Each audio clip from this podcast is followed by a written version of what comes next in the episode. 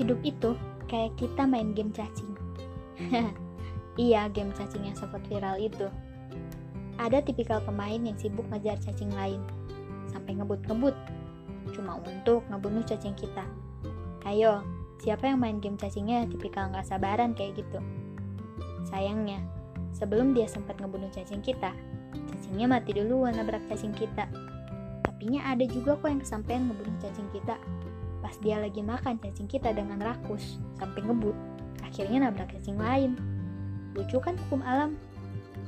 Iya, kalau diibaratin sama manusia di bumi, mereka yang sibuk cari-cari kesalahan orang lain, cari-cari celah untuk jatuhin orang lain, pada akhirnya apa yang dia usahakan akan berbalik ke mereka sendiri.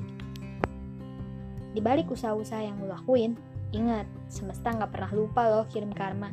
Kalau mau dapat karma yang baik, usaha yang lo lakuin jangan sampai usaha yang negatif.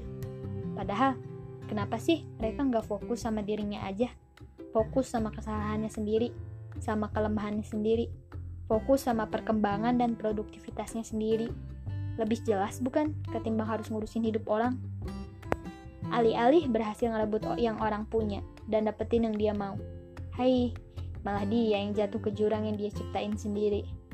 Kalau diibaratin lagi sama dunia perbucinan gini, lu ngerebut seseorang yang udah punya pacar, apa pun alasannya, hati-hati aja pacar lu direbut lagi sama orang.